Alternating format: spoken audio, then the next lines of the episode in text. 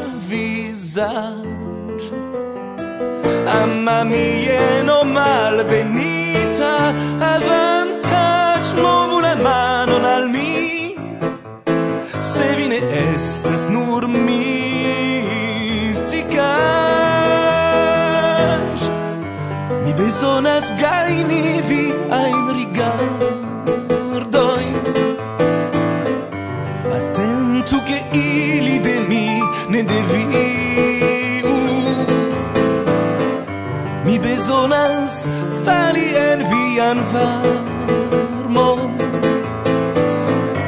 Mi volas tui kison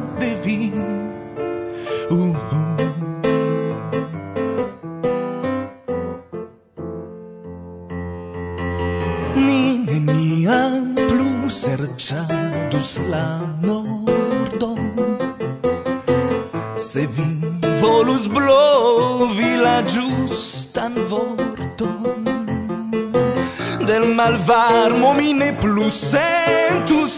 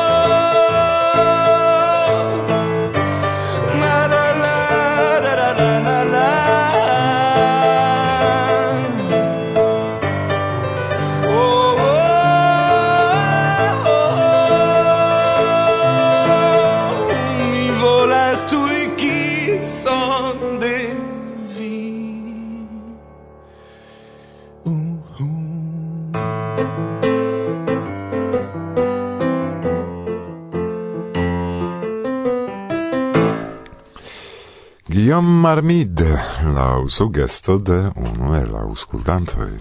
Trafa propono, se temas pri la textoi, neniom aldoni krom auscultu, giu, kai comprenu. Estis ancau alia propono prezenti Fabrismo do conatan ancau kiel famo la blindan muzikiston nel Parizo, kiu ne nur kantas sole, set ancau kun la kompanoj. Famo. Mi ne konas lin. Tial fakte famon de nove valoras prezenti kaj primemori. La lasta kodo de la kompanoj kun famo, cetere aldonita de vinil kosmo kelkaj jaroj antaŭe, enhavas komponaĵojn de Jacques Brel. Um, ĉu en Esperanto? Jes, kompreneble kai kio estas interesa, kiam ni renkontigis dume aperis ankaŭ Già chi var por exerci kun famo prononcon en Esperanto imago, tiu Jacques kiu cantas al gea amantoi kiui sur la verda bank, verda bank, verda bank, ne zorgante pri silenta plent, de preter passantoi, oh, oh. ies, lin mi konas.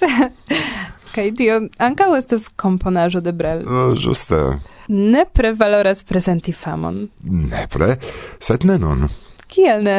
Ehm, mi shatus ci stud periode, do gis la somero, presenti artiston post artisto, grupon post grupo, porque vi havu eblon ne nur ausculti giui cae compreni per cio temas la cantoi, set ancao por che tiui el inter la auscultantoi qui estas en la organizaita amoi de la esperantistai aranjoi ne forgesu pli valorigi sian eventon je valora concerto. Sciuni che se ni forgesos pri niei musicistoi, malaperos ili pro manco de interesigio, char eble tiu au alia venos al concludo che ne valoras canti en Esperanto, char neniu tion bezonas. Hodiaŭ do ni prezentos unikan arton de Guillaume Armit cae famon presentos ni alifoje. Eble mi contactigios kun li kaj exios iom pri novaĵoj por plibeligi la elsendon ankaŭ je liaj klarigoj. Tre plaĉa ideo.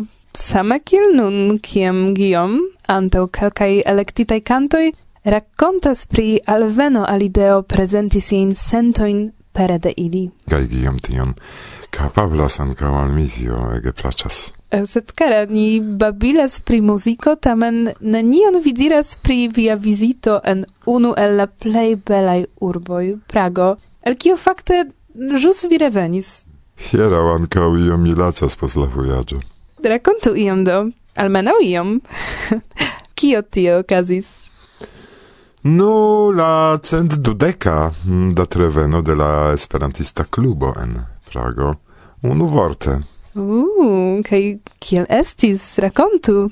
Estis sune kai relative varme, malgraŭ antaŭ anoncoj ke pluvos. Eblis do plezure promeni la la urbo kai vere giui gian belecon. Ne pri la urbo, en kiu ankaŭ mi kelkfoje estis, sed pri la renkontiĝo mi demandas.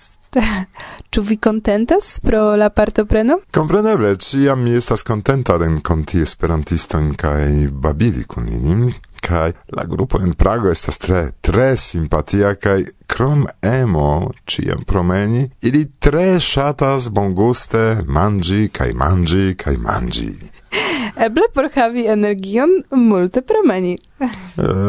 Eble probable, sed ankaŭ programe mi ne Mm, Tiu promenadoi, per kiu menciis, estis tre bone organizita de prezidanto de la klubo, Tomas kiu in sin antaŭpreparis pri clarigoi kaj lerte gvidis nin la spuroj de Esperanto en Prago. Krome estis kelkaj bonaj prezentadoj, kiuj plaĉos al vi, ĉar tri estis pri nov eldonitaj libroj. Esis bona etoso, interesa torto preparita el malgrandai tortetoi cun verdai steloi, kai biero compreneble. Mm, do mi havas gravan demandon, ču vi registris ion? compreneble. Escepte vlasta la cef organizantino, dank al ciu la aranjo fluis plezure cae sen probleme aperos son rapporto en la venonta sendo kaj tre interesaj mikrofonaj renkontiĝoj ankaŭ pri libroi, speciale por vi. Mm, dankon. Kai tu vlasta ne desiris mikrofone babili? Ne. Mi pensas che eh, simple si estis tro laca pro la organizado de cio, set pri la evento anstatau si racontos kun organizanta la programo niunularo, Ian kai Petro. Iom mi bedauras che pro profesiaj devoj mi devis flugi en alian direkton de Europo samtempe, ĉar ankaŭ mi loĝas en Prago, kiel vi, sed la Varsovia do mi sentas min anime kvazaŭ membro de la Praga klubo. Same kiel mi. Kie vi loĝis? Do dum dauro de la evento en gastejo kontiui, kiu ne loĝas en Prago, sed antau kai post char mi estis en la urbo iomete pli longe, amike gastigis min Jana. Jana? Jana, junulino el Ukrainio, mm, el Kivo, kiu por si kai por sia eta infano pro eksplodo de la milito trovis securan lokon en Prago dank la loka esperantistaro. Mm. Kai kiel si fartas tie? To eble si mem respondo alla demando tui post nia enkonduko. Ni babilas, babilas, kai la auscultantaro attendas kiam finfine komenciĝos la programo. Do eble ni komencu. Jes, komencu ni.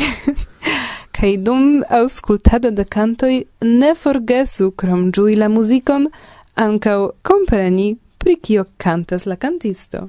Auscultu, giu, kai compreno. Giuste. Ecto. Ec. La, la, la, la. Varsovia vento. Bla bla bla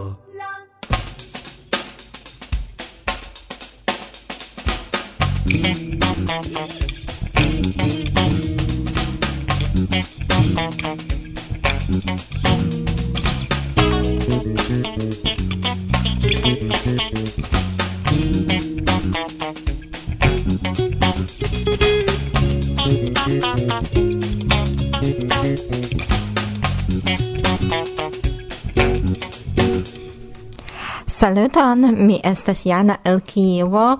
Nun tempe, ekde la sepa de marto, mi estas en la Ĉeĥa Prago kun mia eta trijara filino Eva, malproxime de la heimo de la familio de mia antaua vivo. En la venonta elsendo mi racontas al vi kiel aspektas vivo de rifuginto kiu malgraŭ sopiroj ne povas reveni hejmen, ĉar tio estas danĝere por eta infano.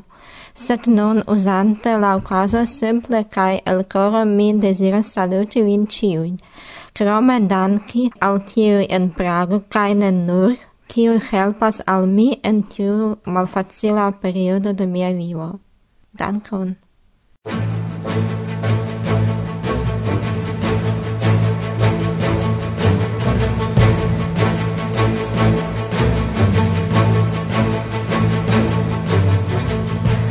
konata ol nekonata al multaj en la movado esperantista, ĵurnalisto de la Pola Televido kaj verkisto de libroj ekzemple Strato Zamenhof, komencis laboron pri nova interesa libro, romano pri romano, biografio pri lia esperantista vivo kaj ne nur. Por ŝatantoj de lia agado kaj de li mem ni havas bonan informon. Ekde la decembra cent sesdek unua elsendo vi rajtos ĝui fragmentojn de tiu ankoraŭ ne publikigita verko, kiujn prezentos kadre de nia programo la aŭtoro mem. Do, ankoraŭ iom da pacienco, kaj se tiun vi ne havas, ni rekomendas malkovri lian alian libron plej bona espero, kiu troviĝas en nia arkivejo Sone. Sufiĉas klaki la ligilon en la priskribo.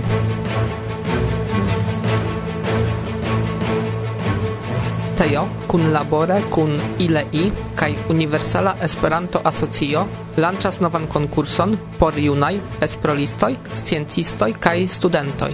Dum retoso 2022 du partoprenu en konsciu la concurso por junaj sciencistoj kaj universitatanoj organizata de Komisiono pri Edukado, Scienco kaj Kulturo SOKO. Se vi estas individua membro de teo kaj vi esploras aŭ iam esploris pri iu fako, ekde la bakalaŭra ĝis la doktora nivelo, vi rajtas partopreni. Ne necesas esti sciencisto aŭ esploristo laŭ profesio. Dum la konkurso vi disponos precize tri minutojn por resume prezenti vian esploron. Uzu efike vian voĉon, komunikain lertojn kaj kreemon por klare kaj atento kapte sintezi ĝin, gajnu diplomon kaj aliajn premiojn. La finalo de konstiu okazos dimanĉon la dudek sepan de novembro je dek kvara utoco. Legu pliajn detalojn ĉe tejo.org partoprenu en konstiu kaj aliĝu ĝis la dudeka de novembro dimanĉo.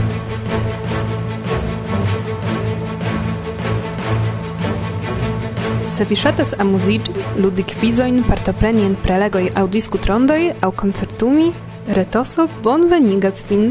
Retoso estas la reta evento de Teo, organizata de gejunuloj por gejunuloj, kiu ĉiare okazos inter la dudek kvara kaj la dudek sepa de novembro. La evento enhavos la plej malaĉan programon, tre diversan kaj plenan je koncertoj, atelieroj, prelegoj kaj interagaj programeroj.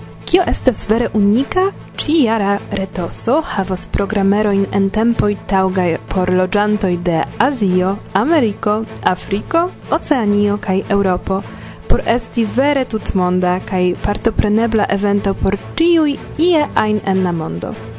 Retoso estas organizata kun labore kun la virtuala kongreso de UEA, kaj libere vi povas ĉeesti sesiojn de ambaŭ eventoj do ecz pli granta kaj bunta elekto de programeroj atendas vin. Ligilon vi trovos en la prescribo.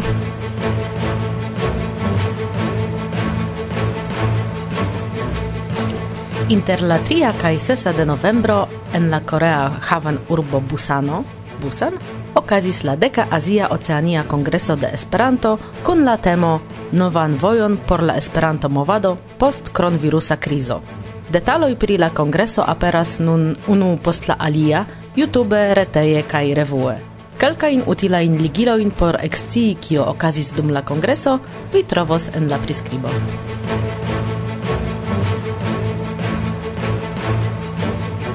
Cade de la tria virtuala congresso, la dudek kvinan de novembro, okazos oratora concurso por la junularo en Tejo Aĝo. Partopreno en concurso estos senpaga, sed la kandidatoj devos scribe anonci sin minimume unu tagon antaŭ la konkursa sesio. Partoprenantoj devas electi unu el la jenaj temoj. Kiam indigena lingvo mortas, indiĝenaj lingvoi pluvivis, se mi aparte shatas mian indigenan lingvon, ĉar la parolado daŭros gis dek minutoj en la internacia lingvo Esperanto. La candidatoi devas paroli libere, sen anticipe skribita teksto, sed ili povas uzi memorigain notoin. La paroladoin oni taksos el vidpunktoj enhava, lingva kai stila kai laŭ la ĝenerala sinteno de la candidato kiel oratoro. Por la plei bonai la juĝkomisiono aljuĝos tri premioin, kies altecon malkovru mem ĉe subpaĝo de la oratora konkurso.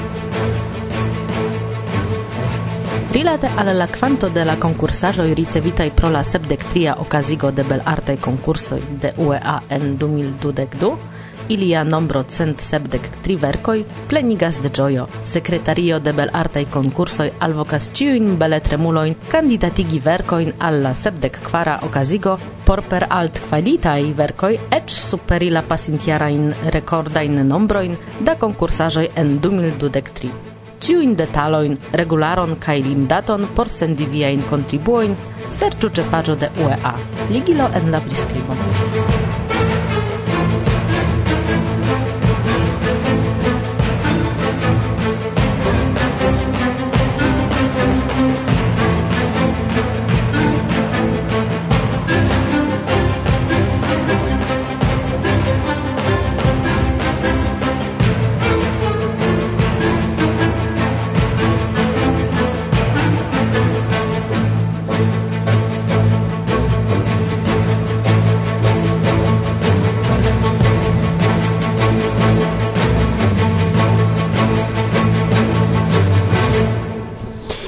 La aktualaĵojn eh, prezentis Agnieszka, Kamil.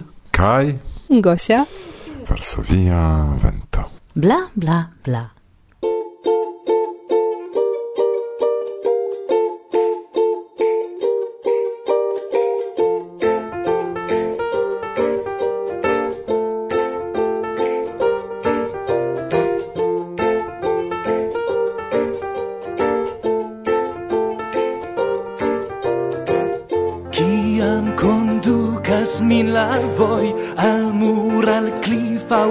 sekvoj Nu felice mi malĝojas Auscultas mi kiel al Mozart La verkon te mia malbonfart. Mia cor plore bellarta Blore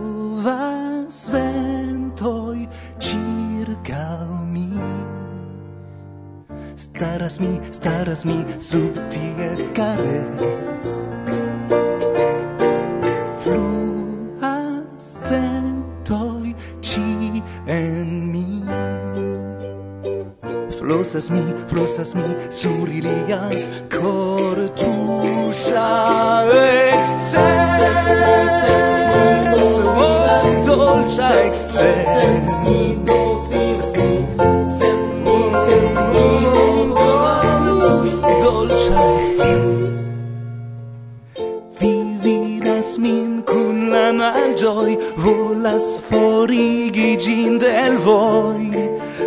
l'armeon vide ploias Nu al mi estas bel escort Malgioi collertin cae malfort. Ciu al ili malconfortas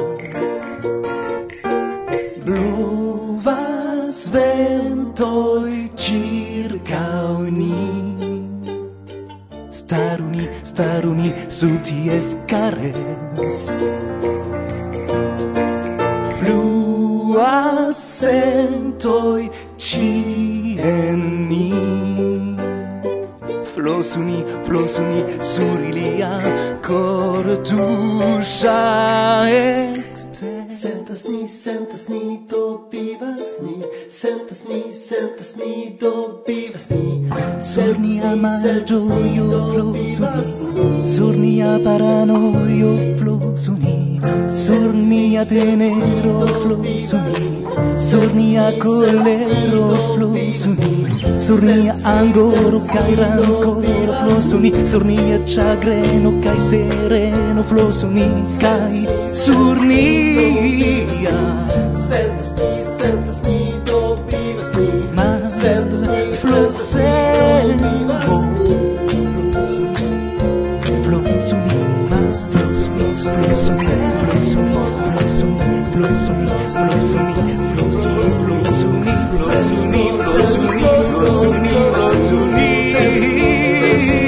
winds blow to me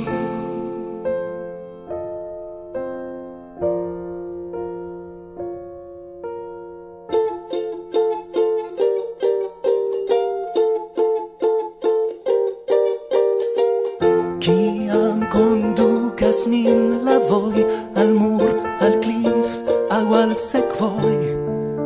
Nu felice mi malgioia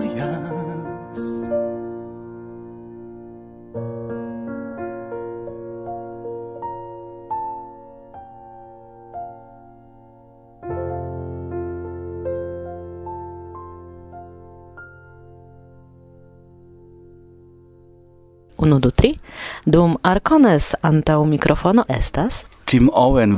Kion vi faras ĉi tie? Do, fakte, ĉar mi estas studento pri la interlingvistikaj studoj, kaj oni prestarigis Arcones, do mi estas ĉi tie nun, ĉar samtempe mi estas en Poznano. Tamen oni petis, ke mi faru iun proponon, do tion mi faris, kai poste oni volontuligis min por tua, kiu okazis ci matene tre frue, do veninta sen matan mangio. Kiel vi estas tiel serioze vestita? Kiel eh, preskaŭ prezidento? Ĉu iam ajn vi vidis tiajn harojn sur kapo de iu ŝtatestro? Do tio estas iu miksaĵo, ĉu ne? Mi estas fakte tute malkonsekvenca. Mi ne povas diri kiel mi estas vestita tiel. Verŝajne ĉar se mi portus mian kutiman shorton, grandan to ĉemizon, tiu malseriozigus min mi pensis ke la vestaĵo estas ebla iel ligita kun via temo kiun vi prezentis. La volontula temo do hiero vespere fakte pri Esperanto simbolo, kiam parolis pri tio kun Irek, eh, tamen la cimatena, do mi klarigos ke Antao ol veni al Poznano, mi dum tri semain finoi estis mesatlantike en Azoroi, char ni feriis. Cai mi revenis in Britujo dimanĉon, havis da pli malpli du horoin en la domo por malpaki cae repaki, poste dormi dum ebre tri horoi, antau ol salti en de nove por iri al Poznano. Mi faris lernejknaban eraron mi controlis la retpoŝtaĵon kai venis uh, mesaĝo de Tobias kiu organizas la aferon ci tie uh, kai li audis ke mi volas paroli pri eldonaro de Esperanto Asocio de Britio Do mi respondis, mi ne memoras ke mi volis fari tion fakte. Li respondis kun ridet mieno, do tion diris al mi Ilona, do Ilona volontuligis min fari tion alian temon frue ci matene, to mi pratigis gin hierau, char diligenta studenta dum longai tagoi mi ne povis, ja, cio facte iris relative bone, tamen mi changis la temon, char ne estas interesse por aliai homoi, se mi jus listicus diversa, mi faris tion, tre facile por mi, tamen iom tede.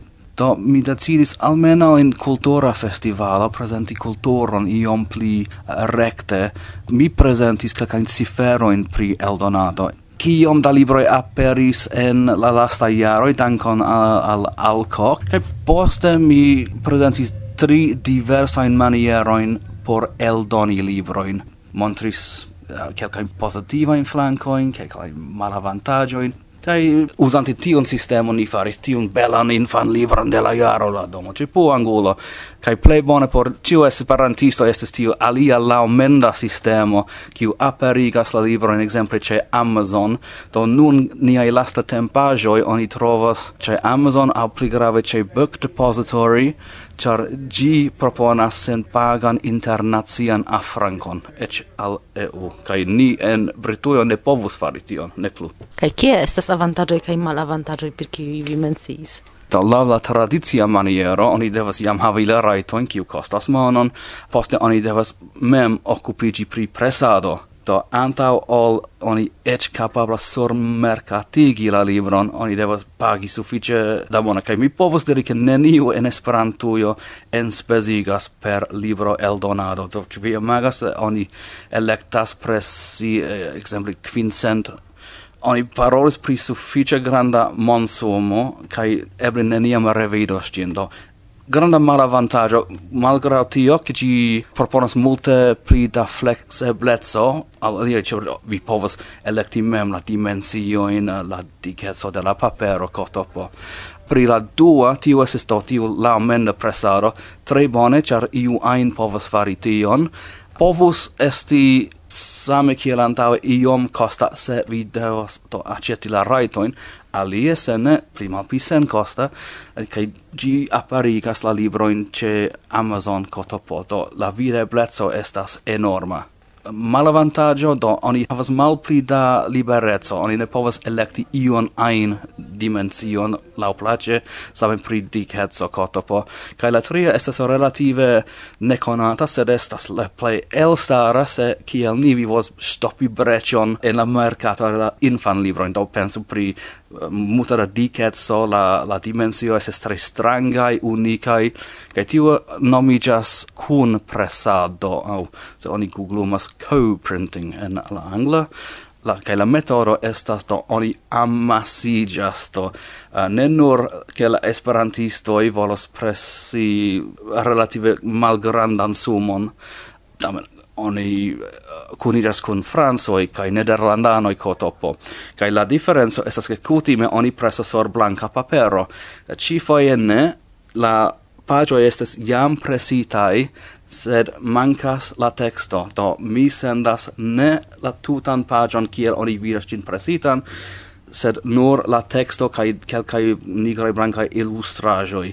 Do magul assistam do oni jam havas multege da antau preparitaj paperoj kai oni decidas. Bone do nun uh, quincent por esperanto. Chim chim chim chim chim chim oni ŝanĝas la dosieron. Do uh, dudek mil por la franca exemple kai la rezulto estas fakte ke oni ni ne devas okupigi pri presado au vere pri io alia krom provizo de la teksto kai la costas relative malalta compare con alia maniero to ni balda aparigas por infan uh, libron doctoro esperanto kai la lingua de espero. Tion ni faras mem stare kai la preso por presigin almeno in britujo estis eble kvin foje to jen granda solvo. Uh, ni mem ne plu faros tion char ni plen stopis tion bruchon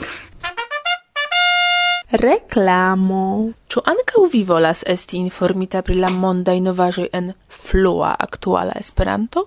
kaj legi raportojn pri politiko, pri scienco, ekonomio, kulturo kaj multe, multe pli? Do, petu senpagan prof exempleron La kontakt adreson de Monato vi trovos en la priskribo. Yes. Falso via vento, bla bla bla.